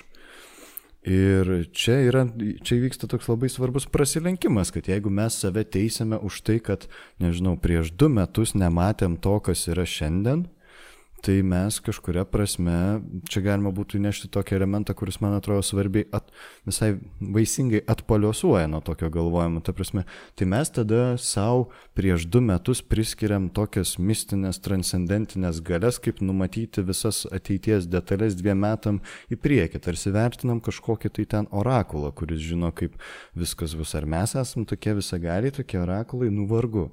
Ir čia labai svarbus aspektas, kad prisiminti tą praeities kontekstą, nes dažnai, ypatingai terapijos kontekste, sutinku žmonės, kurie labai kaltina ir nepaleidžia įvairių praeities, nu, vat, pasirinkimų, kurie, kurie juos nuolat vis persiokia, vis grįžta su tokiu sunkiu kalties jausmu ir visą laiką vis legia. Ir šitoje vietoje dažnai pamirštamas kontekstas ir neretai pakanka su žmogumi pakalbėti apie tai, nu, vad, kas tuo metu tavo gyvenime vyko ir tiesiog tam žmogui vien prisiminti, kokiame kontekste buvo tie pasirinkimai padaryti ir jau tai mm, duoda tokį tarsi švelnesnį požiūrį į save ir tas gailėjimas jis virsta nebe tokiu aštriu ir save baud, baudžiančiu, bet taip tada jau šiek tiek įsineša ir tokios atjautos savo, tarsi gaila tokia gerąją prasme, nu gaila, kad taip įvyko, nu, norėčiau, kad būtų buvę kitaip, bet gaila, bet ne apie tai, kad gailiuosi, blemba, koks aš blogas žmogus. Toks šiftas įvyksta. Jo, abidnekas. Abidnekas. Bet jo, jo, bet tai, kad tu pasakė apie tą blogą žmogų, tai čia siejas turbūt su tuo, kad nu, žmogus linkęs, ne visi aišku žmonės, vieni labiau turi tą išreikštą savybę, kiti mažiau, bet padarę netinkamą pasirinkimą ar kažkokį elgesį netinkamą, jie iš karto tada save kaip žmogų, kaip asmenybę traktuoja irgi tokiam pačiom kategorijom kaip tą elgesį. Bet čia ir yra ta, ta realybė, kad ir geri žmonės gali pasielgti kartais blogai ir netinkamai. Ir čia darbė su vaikais tas labai pasi, pasimato, vat, kai tėvai ar net pedagogai kartais, nu, padeda vaikui įtikėti, kad jis yra blogas žmogus, nes jisai kažką blogai padarė. Ir šitoj vietoj labai svarbu, kad ta žinutė būtų siunčiama, kad man nepatiko tavo elgesys, kurį tu padarėjai, bet ne tu kaip žmogus, ne tu kaip asmuo. Ir kažkaip šitą kartą žmonės išsineša iš vaikystės ir gal ne tik iš vaikystės, gal ir, ir, ir iš vėliau, kad tai jeigu aš kažkaip netai padariau, nu, tai aš iš esmės esu netinkamas. Nes, nes jeigu būčiau tinkamas, tai jeigu būčiau gerai padaręs, juk nebūna, kad tinkamas žmogus kažką netinkamo padaro. Mm. Jozefas K. Kafkos procese teisiamas žmogus, nesuprantantis už geras, iš esmės žmogus, normalų vidutinį gyvenimą e, gyvenęs, bet, nu, va, teisiamas mirties bausme. E, ne šiaip savo cituoju šitą dalyką, nes uh, tas romanas šiaip vertingas visai paskaityti iš tokios perspektyvos, galima jį interpretuoti tokiu būdu ir tiesą sakant, pats Kafka dienorašiuose buvo užsiminęs, kad kažkuria prasme mintis yra apie tai, kad tas teismo procesas, kuris tarsi toks eksternalizuotas, pateikiamas į išorę, kad ten yra kažkokie ten teisėjai ir panašiai, ten dalyvauja įvairių žmonės, tai iš tikrųjų yra vidinis egzistencinės kalties teismas kur žmogus teisiamas už tai, kokio gyvenimo jis nenugyveno. Ir ten vyksta įdomus procesas, nu vad kaip tas animacinio filmuko herojaus bėgimas oru kuris toliau eina tuo oru, kur jam įvairūs kiti personažai vis kažką primena, vis baksnoja į tą vietą, bet jis taip ir nepažiūri žemyn. Jis taip ir nesusivokia, už ką jisai teisiamas, dėl ko jisai teisiamas ir nepaklausia savęs, nu va dėl ko jisai kaltas, jis tarsi būna tokiame, tai tokiame absurde, kad tarsi aš dėl nieko nekaltas. Ir tada per šitos akinius iš tiesų labai įdomiai tas kūrinys skaitosi, kai tu suvoki, kad čia vidinis žmogaus darbas ir toks santykis su va, to egzistencinio teismo procesu, kuris kiekvieno mūsų viduje yra apie tą nenugyventą gyvenimą. Arba nugyventą gyvenimą, kurį mes gyvename šalia savo gyvenimo. Kažkur ne visai jame, bet kažkur šalia jo. Man patinka ta metafora kad tarsi ne, ne, ne pačiu gyvenimu eini taip iš tiesų autentiškai tikrai jausdamas, bet kažkur šalia, taip, ai, gal čia kažkaip. Nu, tai labai įdomi tavo ta mintis, kurią tu perskaitė apie Kafkos procesą, nes aš irgi skaičiau tą kūrinį, bet e, iš tos perspektyvos kažkaip nepasižiūrėjau, tai visai kitaip jis atsiveria tada tas kūrinys ir uh, Šiaip jį skaitant, nu, man tai tokia vidinė įtampa tenai skyla, aš net atrodo degiau iš vidaus kai kurias vietas skaitydamas, tai kaip iš čia nieko blemba nedaro. Mm. Kad, ir nes ten ta kaltė taip inauga, taip sakyčiau, eksponentiškai tam kūrinį, kad iš pradžių viskas ramu, kažką aiškinas, bet paskui kažkaip didin, didin, didin ir ten jau nespoilinsim kūrinio, kas norės perskaitys, klasiką labai verta perskaityti. Mm. Man tai apskritai ta įtampa kyla, kai aš pagalvoju apie žmonės, kurie, nu, bet, nu, bet gali kartais pajausti vienus žmonės, tarsi ir jų gyvenimą pasižiūri, nu, okay, kažkaip, nu, tiesiog yra kaip yra, o kitus pasižiūri toks apima, toks blemba, bet, nu, tas žmogus tarsi vais, švaisto kažkokį savo potencialą, tarsi, nu, va, dar didesnis paradoksas, ne tik pats žmogus mato kažkokią savo galimybės gyvenimą ir potencialą, bet ir kiti dar gali jausti kad mes kartais matom žmonėse ir yragi tos situacijos, kur ten, nežinau, kažkokie treneriai, mokytojai, dar kas nors pamato potencialą vaikę ir jį kažkaip pastumė, kad jisai pradėtų skleistis tame. Ir, ir man bent jau yra tas aspektas, bet aš suprantu, dėl ko yra, nes man apskritai kaip žmogui rūpi toks dalykas ne tik apie save, bet ir apie kitus žmonės kad uh, žmonės dažnai tą savo gyvenimą nugyvena kažkur šalia jo, nepajausdami, neįsisamonindami, ne, nepajausdami jo kažkokio tikrumo, neįgyvendintami tų savo troškimų, apie kuriuos jie svajoja ir nusineždami juos galiausiai į kapus potencialybėje išlikusius, o ne aktualizuotus realiame gyvenime įgyvendinimus. Tai man tai atrodo, nu, vat, man kaip žmogui, gal čia irgi vienas iš dalykų, kodėl aš nuėjau į psichologijos profesiją, nes kažkaip man nuo, nuo jau ankstyvos paauglystės tas faktas kažkaip nu, vat labai lietė. Atrodo, kad tame yra labai toks sunkus, sunkus žmogaus būties tragizmas. Kad dažnai žmogus nugyvena gyvenimą, bet taip, nu, va čia įvairiais kampais galima būtų pasakyti, bet per, nugyvena jį kaip gyvas lavonas. Ir, ir su tokia nuolatinė e, mirtimi esančia šalia. Ir čia irgi toks, dar galima būtų įnešti tą kampą, uh, tyčia sąmoningai gal šiek tiek, kad tokio emocinio efekto būtų, kad mirtis yra nuolat šalia. Kai mes sakom žodį mirtis, mes dažniausiai įsivaizduojam fizinę mirtį. Kad jinai kažkada kažkur mūsų laukia, bet ir tai apie ją negalvojam, nes geriau negalvoti. Um, bet egzistencinė mirtis ir jinai visą laiką yra su mumis.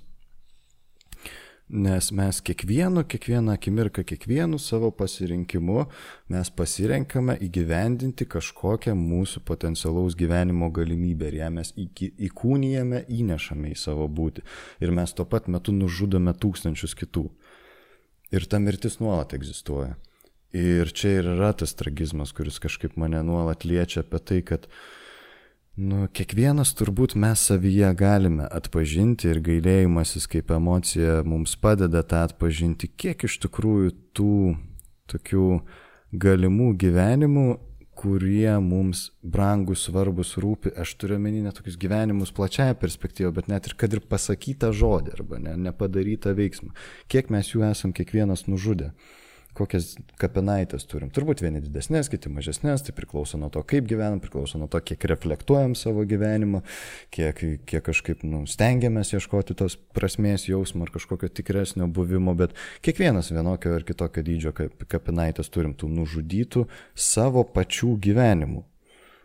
jeigu taip formuluojant. Tai ta mintis, man atrodo, tokia nu, visai šokiruojanti, kad mes visą laiką e, esame tokios nu, egzistencinės mirties akivaizdoje.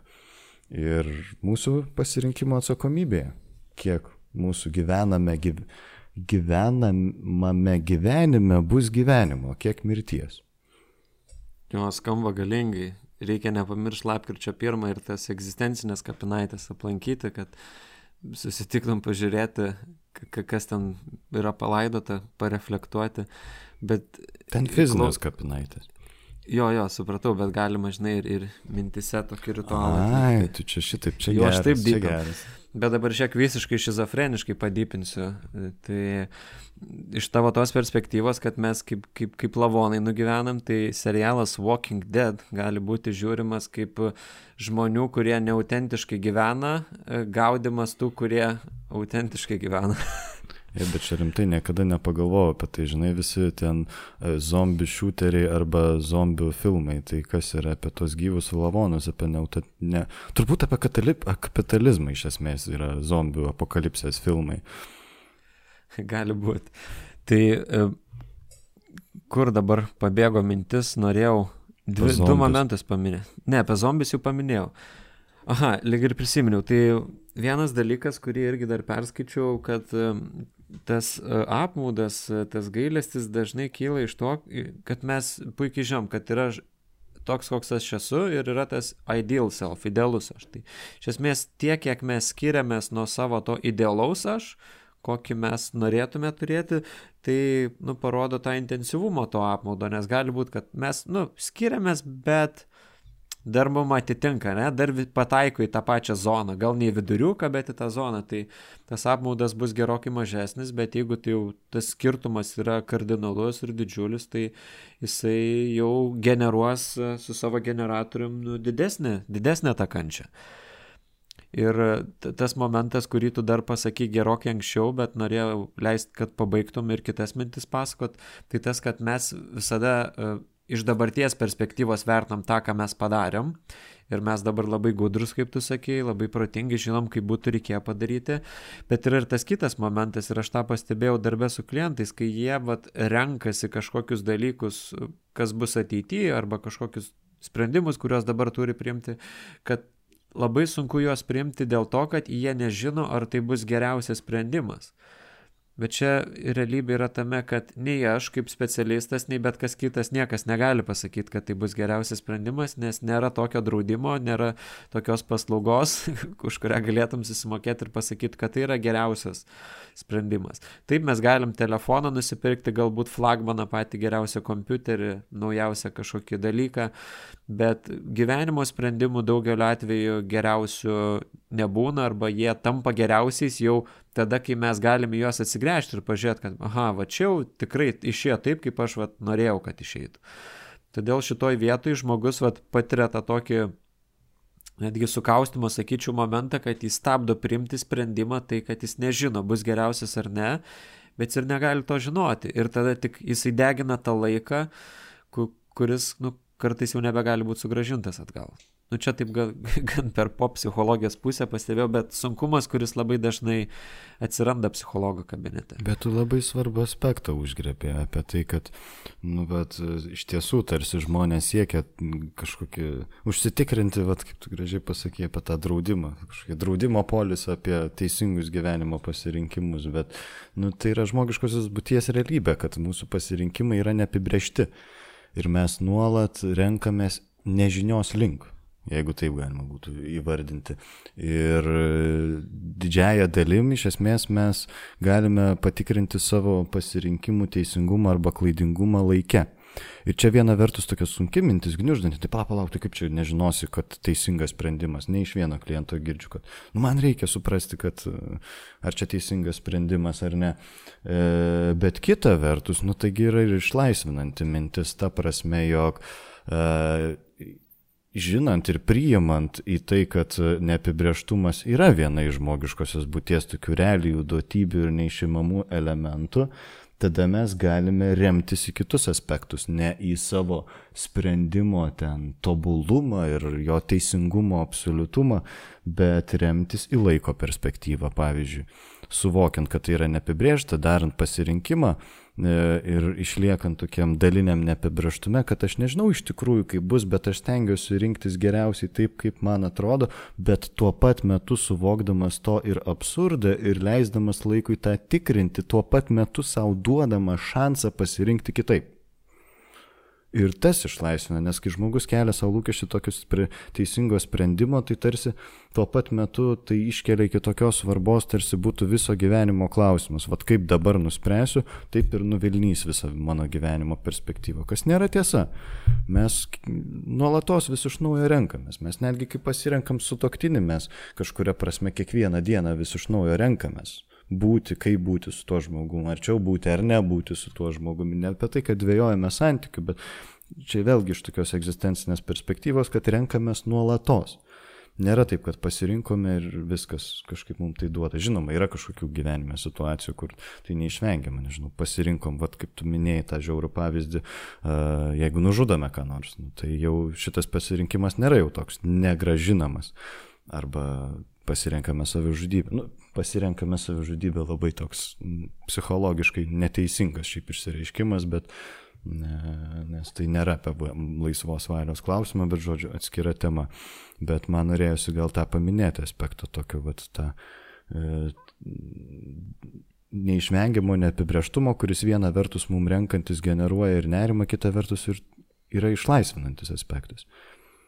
O, nes man net vaizdinys toks nusipiešia, kai tu sakai, kad atrodo žmonėm, kad nu, nebegalima bus kitaip rinktis, kad nu, važiuoji tokiam keliui su mašina, kur, žinai, vien, vieną atitvarą ir niekur nei apsisukti neleidžia, nei išsukti iš to kelio ir tarsi visą laiką važiuoji. Tai ne, yra ne taip.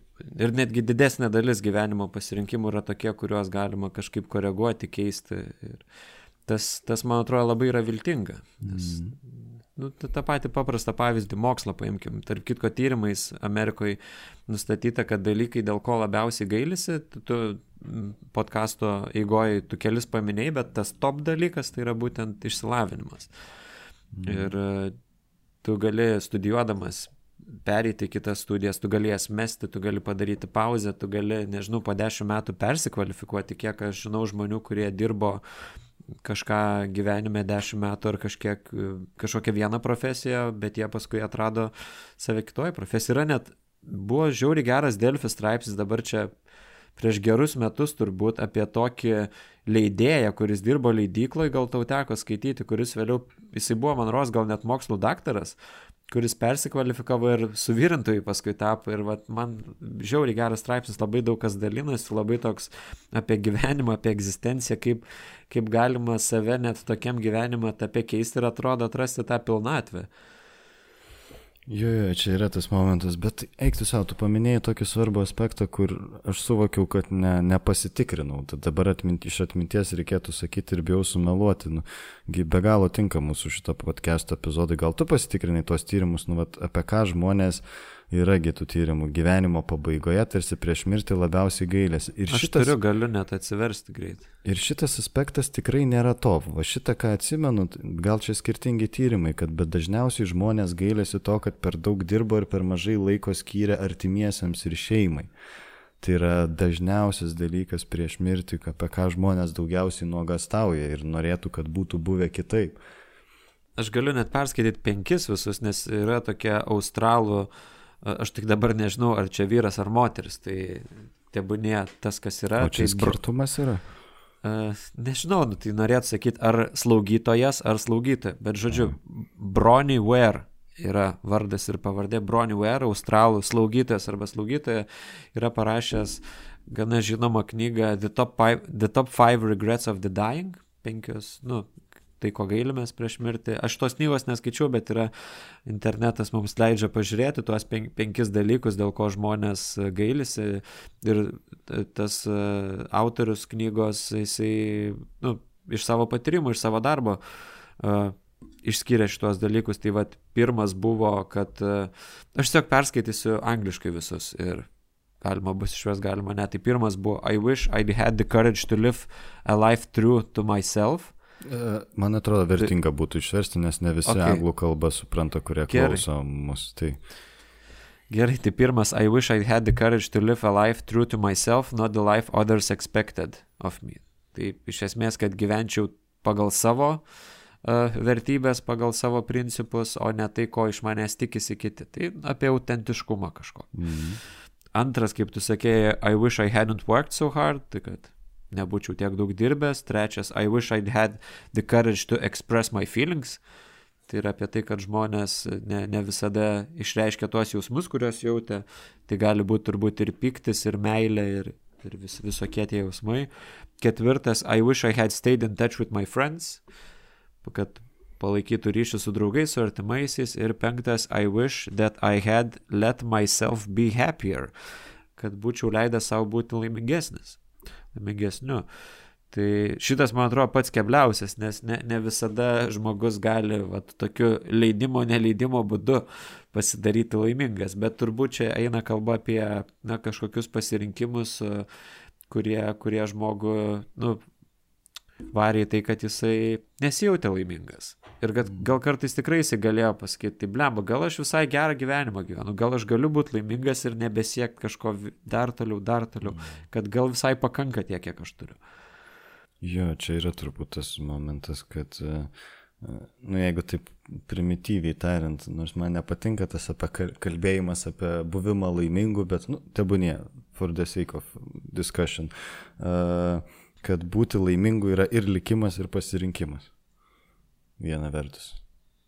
Kad mes ir, nu, negalime mes pasirinkti kažkokių skaudžių gyvenimo įvykių, krizių, lygų ir visokių kitokių tų duotybių, kurios mus mėto gyvenime, bet kita vertus mes galim pasirinkti ir nuostatas jų atžvilgių ir, ir tą, nu, vat, jausmą, kažkokį apraučią, prieimą prie gyvenimo. Man atrodo, čia visai svarbus aspektas ir įdomu, iš tikrųjų, man tai buvo visai nauja, kad būtent tai yra vienas iš nu, tų top 5 dalykų, kurių žmonės gailėsi. Ir tai turbūt visai tokie, žinoma, tai yra labai dideli apibendrinimai, bet vis viena į tą, man regis, galima atsiremti orientuojasi apie savo dabartinį gyvenamą gyvenimą kad e, mes galime vertinti vat, per tuos aspektus, o tai kiek aš dirbu ten tą darbą, kurį noriu dirbti, o kiek aš leidžiu laiko su savo draugais, o kiek aš gyvenu pagal tai, kaip jaučiu, kaip man svarbu gyventi, o kiek vis dėlto stengiuosi prisitaikyti prie kažkokių normų ir gyventi tarsi pagal srovę. Bet čia man atrodo, kad krizės gyvenimo gali padėti šiek tiek supurtyti šituos dalykus ir, nu, krizė yra galimybė, aš net norėčiau gal kažkada atskirą epizodą krizėm skirti, gal ir tu tą norėtum padaryti, kad pakalbėtume plačiau apie tai, bet tas požiūris, kad krizė yra ne tik šikna kažkokia, iš kurio žmogui išlysti reikia, bet kad krizė gali būti ir galimybė, tai tas tikrai tiesa, juokėsi geda stipriai. Tai, tai šikna, žodžiu. Iš kurios išlysti reikia.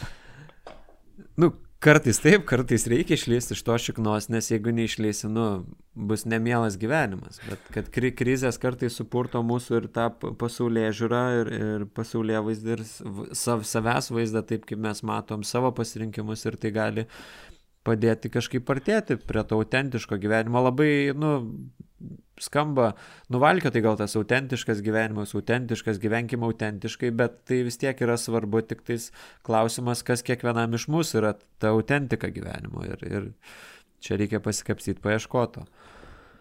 Man vis dar šypsina kyla, nes žinai, aš pagalvojau, ką galvotų kokia profesorė Gailienė išgirdusi, kaip tu apibūdini krizės, kuri mums vedė krizių kursą magistro studijose, žinai. Magistro išsilavinimas, klinikinis psichologas ir toks įvardymas. Ne, šiaip viskas gerai, bet tiesiog labai jokinga kontekste. Čia leidau spontaniškų savo pabūti. Dabar, žinai, gal dabar gailėtis man reiktų tai, ką pasakiau. Žinai, ne, tikrai ne. Bet jau laiko, laiko atgal neatsuksim, važiuojam toliau. Teisingai. Geras, geras santykis su galimybėmis ir ribotumais. Yeah. Žiūrėk, man dar norisi vieną aspektą užgriepti, kuris man regis yra labai svarbus šitoj temai. Uh, tai yra kultūrinis aspektas. Ta prasme, kad, nu, faktas yra, turbūt nereikia nesakyti, kad mes e, esam europocentristiniam kontekste, esame lietuviai, kalbam lietuviam, kalbėms ar bent jau lietuvę klausiams ir nesam kokie nors uh, portorikiečiai ar nežinau, ten Pietų Afrikos Respublikos ar ten dar kokio nors Indonezijos piliečiai ir, nu, tų kraštų gyventojai. Ir tai yra susiję ir su mūsų tokia kultūrinė, e, filosofinė ir moralinė terpė, kurioje gyvename. Ir man atrodo, su šitą temą yra labai susiję keletas dalykų. Tai apie kuriuos mes kalbame. Vieną, žinai, jau ten lietėm tos visus ten tobulėk, auk ten ir panašiai nesigailėk, tai to jau galima neliesti, bet man atrodo labai svarbus aspektas yra tas, kad aš drįšiau pateikti tokią tezę, mm, kad, nu, vat mes e, šitoj epochoje europinę kultūrą liečiant, tarsi atliekame kažkokią tai vat, masinį valymasi nuo tradicijų. Ir e, toks e, reiškinys e, masinis palieka daugybę gyvenimo svarbių klausimų spręsti individui. Nes tas sąžinės balsas ar tas vidinis kompasas, apie kurį mes čia kalbam, tarsi nebėra taip ryškiai moderuojamas tų tradicijų, kurios yra tradicinėse visuomenėse daug, daug labiau ir žmogų labiau angažuoja ir palieka mažiau vietos spręsti jam pačiam, ar jo gyvenimo pasirinkimai yra teisingi ar ne. Tarkim, kokia nors tradiciniai visuomeniai. Ten paauglys buvo inicijuotas į vyrus, Ten jo tėvas ten buvo koks nors, nežinau, antilopių medžiotojas ir jis ir pus visą gyvenimą tuo. Ir čia nėra klausimų, jam tarsi duota tai yra. Nu, čia aš gal ir suprimityvinu iš savo diletantiško suvokimo apie tai, bet ne, nesmė, tiesiog iliustracijos dėlį apie tai kalbu. Bet vat mūsų visuomenėje tada mes esam išsi, išsivalom kuo labiau iš visokių tradicijų ir kuo labiau e, kultivuojame tokį individualizmą mes tarsi dar sunkesnę užduotį užmetam ant individo, kad mes esam nuolatinėme, neišvengiamame tokiame neapibrieštume dėl savo pasirinkimų teisingumo ir autentiškumo. Nu, vat kas pasakė, kad tai yra teisinga? Žiūrėk, kiek tūkstančių ir, nežinau, šimtų tūkstančių skirtingų gyvenimo galimybių, kodėl šitą teisinga. Nu, vat nėra kažkokių tarsi aiškių gairių, kaip mes galime. Ir čia ne apie tai, kad tai yra blogai ar gerai, aš labiau gal iš psichologinės perspektyvos, iš, nu, iš profesinės savo perspektyvos, man įdomu stebėti tokį reiškinį ir matyti to nu, vat, naudas ir kainas. Ne, ne apie tai, kas yra gerai ar blogai, bet man regis viena iš kainų, žinoma, kad ten naudų yra visokių daug, apie laisvę, apie kitokius dalykus, bet viena iš kainų, kurią mes sumokam už tokį, vat, uh, ėjimą link e, tra, tarsi tradicijų atsisakymo ir individualizmo, tai kad nu, individo gyvenimo pasirinkimai vis labiau tampa tokiu didesniu ir didesniu ir didesniu iššūkiu. Ir ne šiaip savo ir psichologai, ir sociologai pradeda kalbėti apie ketvirčio amžiaus krizės fenomenus, kurio niekada nebūdavo, nu, niekas nekalbėdavo apie tai, nebuvo tarsi poreikio turbūt visuomenėje apie tai kalbėti kalbėjom, buvo kalbama apie visai kitokias krizės, kurios ištinka.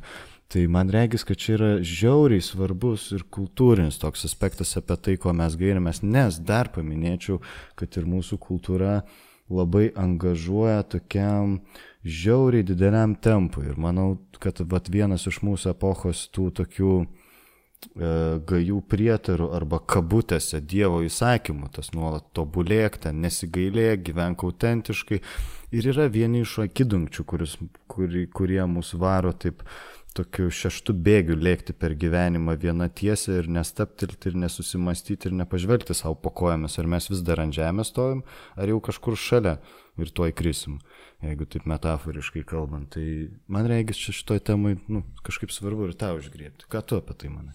Jo, žinok, labai gerai, kad tai paminėjai, aš gal nebūčiau uh, sugalvos apie tai užsiminti, bet kaip tu pasakyti, nebejotinai labai svarbus dalykas. Ir skaičiau Kembelo tą knygą apie, apie mitus, tai tenais tikrai yra apie tai kalbama, kad jis jau tada kalbėjo, čia buvo 20 amžiaus antra pusė, kai jisai tas savo knyg, paskaitas pavertė į knygą, tai jis jau tada vat, stebėjo visuomeniai tai, kad taip mes tolstam nuo tų tradicijų mitų, taip mes uh, nuvertinam juos, nes nu, mokslas yra tai, ko mes turim tikėti, bet ne tradicijom, ne, ne mitais. Ir tai tam tikrą prasme, kaip tu sakai, apsunkina žmogaus sprendimų prieimimą, nes individas tampa viskas, individas tampa to pasaulio centru. Ir taip, iš vienos pusės tai žmogus turi daugiau galimybių rinktis, kita vertus, uh, kodėl mes galvojam, kad jeigu tas žmogus, kuris nesirenka ir nugyvena pagal tradicijas, pagal kažkokį vat, numatytą tą planą, kad jis yra nelaimingas. Tai čia mes to niekaip negalime teikti, bet mhm. kažko, kažkoks vidinis jausmas yra, kad tarsi jeigu aš gyvenu kaip čia paskirta yra, tai jau čia būtinai būsiu nelaimingas ir čia neautentiškas gyvenimas bus. Bet šitoj vietoj, bet kodėl vat Jungo psichoterapija ir yra ir unikali visai ir man tikrai ta, ta dalis patinka, kad jie nemažai atspirties ieško mitose, pasakose, tose dalykuose, kurie kartojas, nes kartais per tuos vaizdinius vat, žmogus gali atrasti išeitį iš krizės ar iš kažkokių sunkių gyvenimo etapų, kad gal tame, kas daug kartų kartojasi šimtus ar tūkstančius metų, kad gal tą galima pritaikyti ir dabar kažkaip. Tai šitoj vietai aš tikrai labai sutinku su tuo, ką tu pasakėjai. Tai... Hmm. Ok. E, trumpas disclaimeris, žinau, kad mus spaudžia laikas, ar ne, Vitalijau, ir tu turėsi bėgti prie kitų darbų. Einam prie klausimų, ar dar nori kažką pridėti? Ne, einam prie klausimų. Turim du klausimus. E, pirmas klausimas Ingrida Šimonytė klausė. Ar pritarėte populiariajam posakiui geriau gailėtis to, ką padarėjai, o ne to, ko nepadarėjai? Ką manote apie nuolatinį ieškojimą patirčių vien tam, jog senatvėje nesigailėčiau? Jo, tai galim disclaimint, kad ne premjerė klausė. Ne premjerė, premjerės bendra vardė. E, bet būtų, būtų, būtų gerai, kad gali ir premjerė klausti, kodėlgi ne.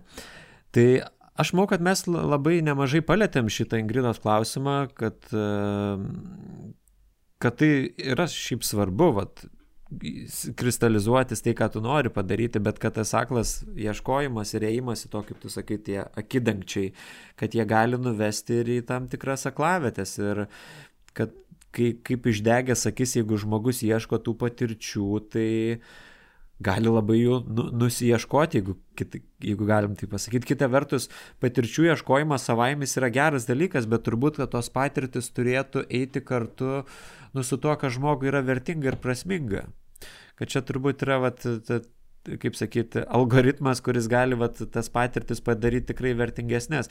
Aišku, tikrai yra kažkokių momentų gyvenime, kur žmogus nežino, tai vertinga, nevertinga, bet reikia tą pabandyti, nes gal diktuoja situacija, tai gal, gal tiesiog nepabandęs nesužinosi, bet iš esmės, kad tos patirtis aklai ieškomos, jos gali nuvesti prie, nu, tokio tuštumo ir, ir prie neką mažesnės krizės negu tada, kai žmogus patiria kančią nuo to, kad jis pritrūko kažkokių patirčių gyvenime. Tai čia, nu, mano toks pamastymas buvo. Mm. Aš irgi čia nu, dėl laikos tokos įnešiu tik vieną kampą, žinoma, krauju po to nepasirašyčiau, bet e, apie tą tokį nuolatinį patirčių ieškojimą šiek tiek skepsio tokio įnešti. Manau, kad tai yra irgi dalis mūsų dabartinės epochos mitologijos, kad visko reikia daug patirti, visur pabūti, viską išbandyti ir panašiai, toks tarsi žmogaus, kuris gyvenimą vartoja, o ne gyvena leitmotyvas. Apie tai, kad visiškai sutikčiau su tuo, kad gyvenimas gali būti labai negausus išorinių patirčių prasme, bet labai turtingas nesigailėjimo ir pilnatvės ir prasmės jausmų. Jeigu atsiriamant dabar į praeitą mūsų epizode pristatytą srauto knygą, tai vad Mihai Čiksas Mihai kalba apie tą išgyvenimą, kad ne, ne, pat, ne patirčių kiekis, jų ten gausumas ar įvairovė lemia kažkokį, nu, vat laimės pilnatvės ar nesigailėjimo išgyvenimą, bet būtent jų dermė su tuo, kas mums yra įdomu, kas mums svarbu, ka, kas mus angažuoja, kame pajuntame prasme, tai aš tikrai būčiau e, šitoj vietoj, nu, bet labiau linkęs akcentuoti tą aspektą. Žinoma, yra ir kitokių aspektų, bet tas aklas patirčių ieškojimas man vėl asocijuojasi su tais akikdančiais ir tokį varimą šeštų bėgių per gyvenimą. O apie pirmąjį klausimą ir pritarėm tam posakį geriau gailėtis to, ką padarai, negu to, ko nepadarai, tai vėlgi, viena vertus daug apie tai kalbėjom, kita vertus klausimas, ką padarai. Ar geriau gailėtis to, kad nužudėjai ką nors, ar kad nenužudėjai? Nu, tai, žinai, ar geriau. Tai čia labai labai daug yra aplinkybių, kurios taip, gali apspręsti. Taip. Bet dar trumpai sugrįžti prie to, kad e, ir tie top, penk, to, top penkios priežastys, kurias žmonės įvardijo kaip nu, mirties patelė, galima sakyti, tai ten niekur nebuvo apie aklą patirčių ieškojimą, ten labiau kaip tik apie tokį santykio kūrimą. Mm. Tai buvo ten, niekas nesakė, kad gaila, kad ne, suktinės neparukiau ar kad neprasinešiau per daugiau moterų ar vyrų. Apie tuos dalykus niekas nekalbėjo kažkaip. Good point. Važiuojam prie kito klausimo. Jo, tai Aurimas klausia, daktaras Gaboras Matė, jeigu gerai perskaičiau, teigia, kad dažnu atveju, jeigu reikia rinktis tarp dviejų kalties ir apmūdo, tai geriau rinktis kaltę. Anot jo, kalties jausmas tam tikrais atvejais parodo, kad padarėme kažką dėl savęs. Cituojant jį, Angliška citata. Guilt is simply a mechanism that keeps you attached. It's just like a friend who tried to protect you. But it is as stupid. But it is a stupid friend, atsiprašau. It doesn't know that you are not two or three years old or you are a pensioner. It just keeps telling the message. Na, tai, tai trumpai, trumpai išverčiant, tai kad kaltė yra toks, na, mechanizmas, kuris uh, laiko tave pririšta ir kad jisai kaip draugas, kuris bando tave apsaugoti, bet yra durnas draugas, kuris nežino, kad tau ne dviejai ar trejai metai, ar kad tu nesi pension ar pensininkas turbūt bus, ar ne, ar kažkas, kažkoks mhm. labai senas žmogus taip. E, tai va, įdomu būtų, kad į tai sureaguotume, Taurimas klausė, tai ką mes galim sureaguoti. Tai. Galiu visų pirma sureaguoti, atskleisdama savo ribotumus, kad nelabai suprantu iš tikrųjų šito klausimo ir citatos minties, man kažkaip šiek tiek trūksta konteksto. Aš galvojau Aurimai parašyti, kad patikslintų, bet jis be prieš pat mum įrašant epizodą parašyti, pagalvojau, vis tiek nespėsiu patikslinti, tai atsiprašau Aurimai, kažkaip labai konkrečiai nesureaguosiu, bet e, sureaguosiu visiškai gal taip iš šona apie patį Gabor Mate. Man šiek tiek kyla abejonių, bet čia tokia ne visai dar iš patikrinta nuomonė apie jo autoritetą. Jis dabar yra tapęs labai populiariu žmogumi ir tikrai matosi, kad žmogus yra intelektualus ir gabus. Ir, ir jisai labai daug kur kalba, daug jo viešų paskaitų, podcastuose dalyvauja ir taip toliau ir panašiai. Aš jo esu klausęs tik tai vieną paskaitą ir kelis epizodus podcastuose, kurie buvo fokusuoti į traumą ir man kažkokio skepsio buvo iš psichologinės perspektyvos, taip kaip jisai kalba apie traumos patyrimą, kur aš pajutau, kad daug kur su juo nesutikčiau ir tada aš patikrinau jo, nu, va, išsilavinimą, kad jis žmogus vis dėlto yra šeimos gydytojas, kuris jo domisi daug dalykų, daug skaito, ajuvaskos tripus būna ir kažkaip man tokio įnešė šiek tiek, nu, tai, kad žmogus, kad ten gerai patripinė su ajuvaska, tai nebūtinai reiškia, kad jis žino universalias tiesas apie žmoniją. Tai aš gal su atsargumu priimčiau jos mintis, jo mintis ir būčiau linkęs vertinti kritiškai, bet vėl vėlgi sakau, daug jo nesuklausęs, esu daug atsiliepimų gerų apie jį girdėjęs, kad jį vertina, kad jo mintys įdomios, įneša naujų kampų, bet na, psichologinė prasme lygiai taip pat ir čia suabejočiau šitą mintimą apie, apie tą kaltę. Galima žiūrėti apie tai, kad, nu, vat, kaltė tiesiog siunčia žinutę, kaip jisai rašo šitoj citatui, nu, bet mes esame tie, kurie perskaitome ją, o kas ten parašyta, tai Jo, nes kal, aš kalties vat nesirinkčiau da, dažnu atveju tada, kai tai nu, su labai stipriai susiję mūsų nuvertybiniam nuostatom, nes kaltė vis tiek kyla iš ko, kad žmogus pažydė kažkokį savo standartą, tai nežinau, kartais galim tikrai gailėtis kažko, ko mes nepadarėm, tai yra tas apmaudas kažkoks, negu patirti, negu patirti tą žvėrišką kaltę, nes uh, tikrai yra, yra tokių paslankesnių, gal sakyčiau, žmogaus vertybinių nuostatų, kurio, kurios e, lengviau išbūna tą, tą patyrimą kalties, bet yra tokių momentų, kur, nu, blemba, nu, ta kaltė, kaltė taip slegia, taip smaugia, kad, nu, nežinau, gal geriau jos nesirinkti. Todėl čia, va, siesi, man atrodo, labai su Ingridos klausimu, kad ar geriau gailėtis to, ką padarai, nei to, ko nepadarai, tai kontekstas apsprendžia. Ir šitoje vietoje, ar rinktis apmaudą, ar rinktis kaltę, manau, apsprendžia kontekstas. Jau o, gali drop the mic padaryti po šito frazės, kontekstas apsprendžia, taip gerai skambėjo. Tai ką, mes turim dvi minutės, šiandien epizode šiek tiek labiau skubėjome, atsiprašome už tai, nes mūsų laikas buvo labai ribotas ir norisi greitai padėkoti naujiems prie mūsų prisijungusiems patronams, tai yra Juratė, Simona Cimbaliukaitė, Pekemonas, mūsų pasirodo Pekemonai remia, Ingai Kuzminaitai, Simonui Dainauskui, Solveigai, Vaivai Rut, Simonai Uksaitai, Rugiliai Miškinytei, Marijui Simonavičiui ir Žygimantui Būtui. Ačiū jums, kad prisijungėte prie mūsų arba padidintumėte savo remimo sumą. Mus galite paremti Contribui arba e, Patreon platformose, pavadinimu žinoma dialogas. Dar priminsime, kad mūsų draugas yra audioteka, kur po epizodo prašymų rasite ir nuolaidos kodą knygoms. Nori ką nors dar pridurti? Kad kodas audio vasara 30 procentų nuolaida perkant už daugiau negu 30 eurų ir audio knygos yra vo. Vo ir Vitalijus Nikščius du parodė. Ir su dešinė, ir su kairė ranka like. Koks kvailas disclaimeris. Ties tuo ir baigsime. Ačiū, kad ir... girdėjote, mūsų klausėte ir iki kitų susigirdėjimų. Ačiū, iki. thank you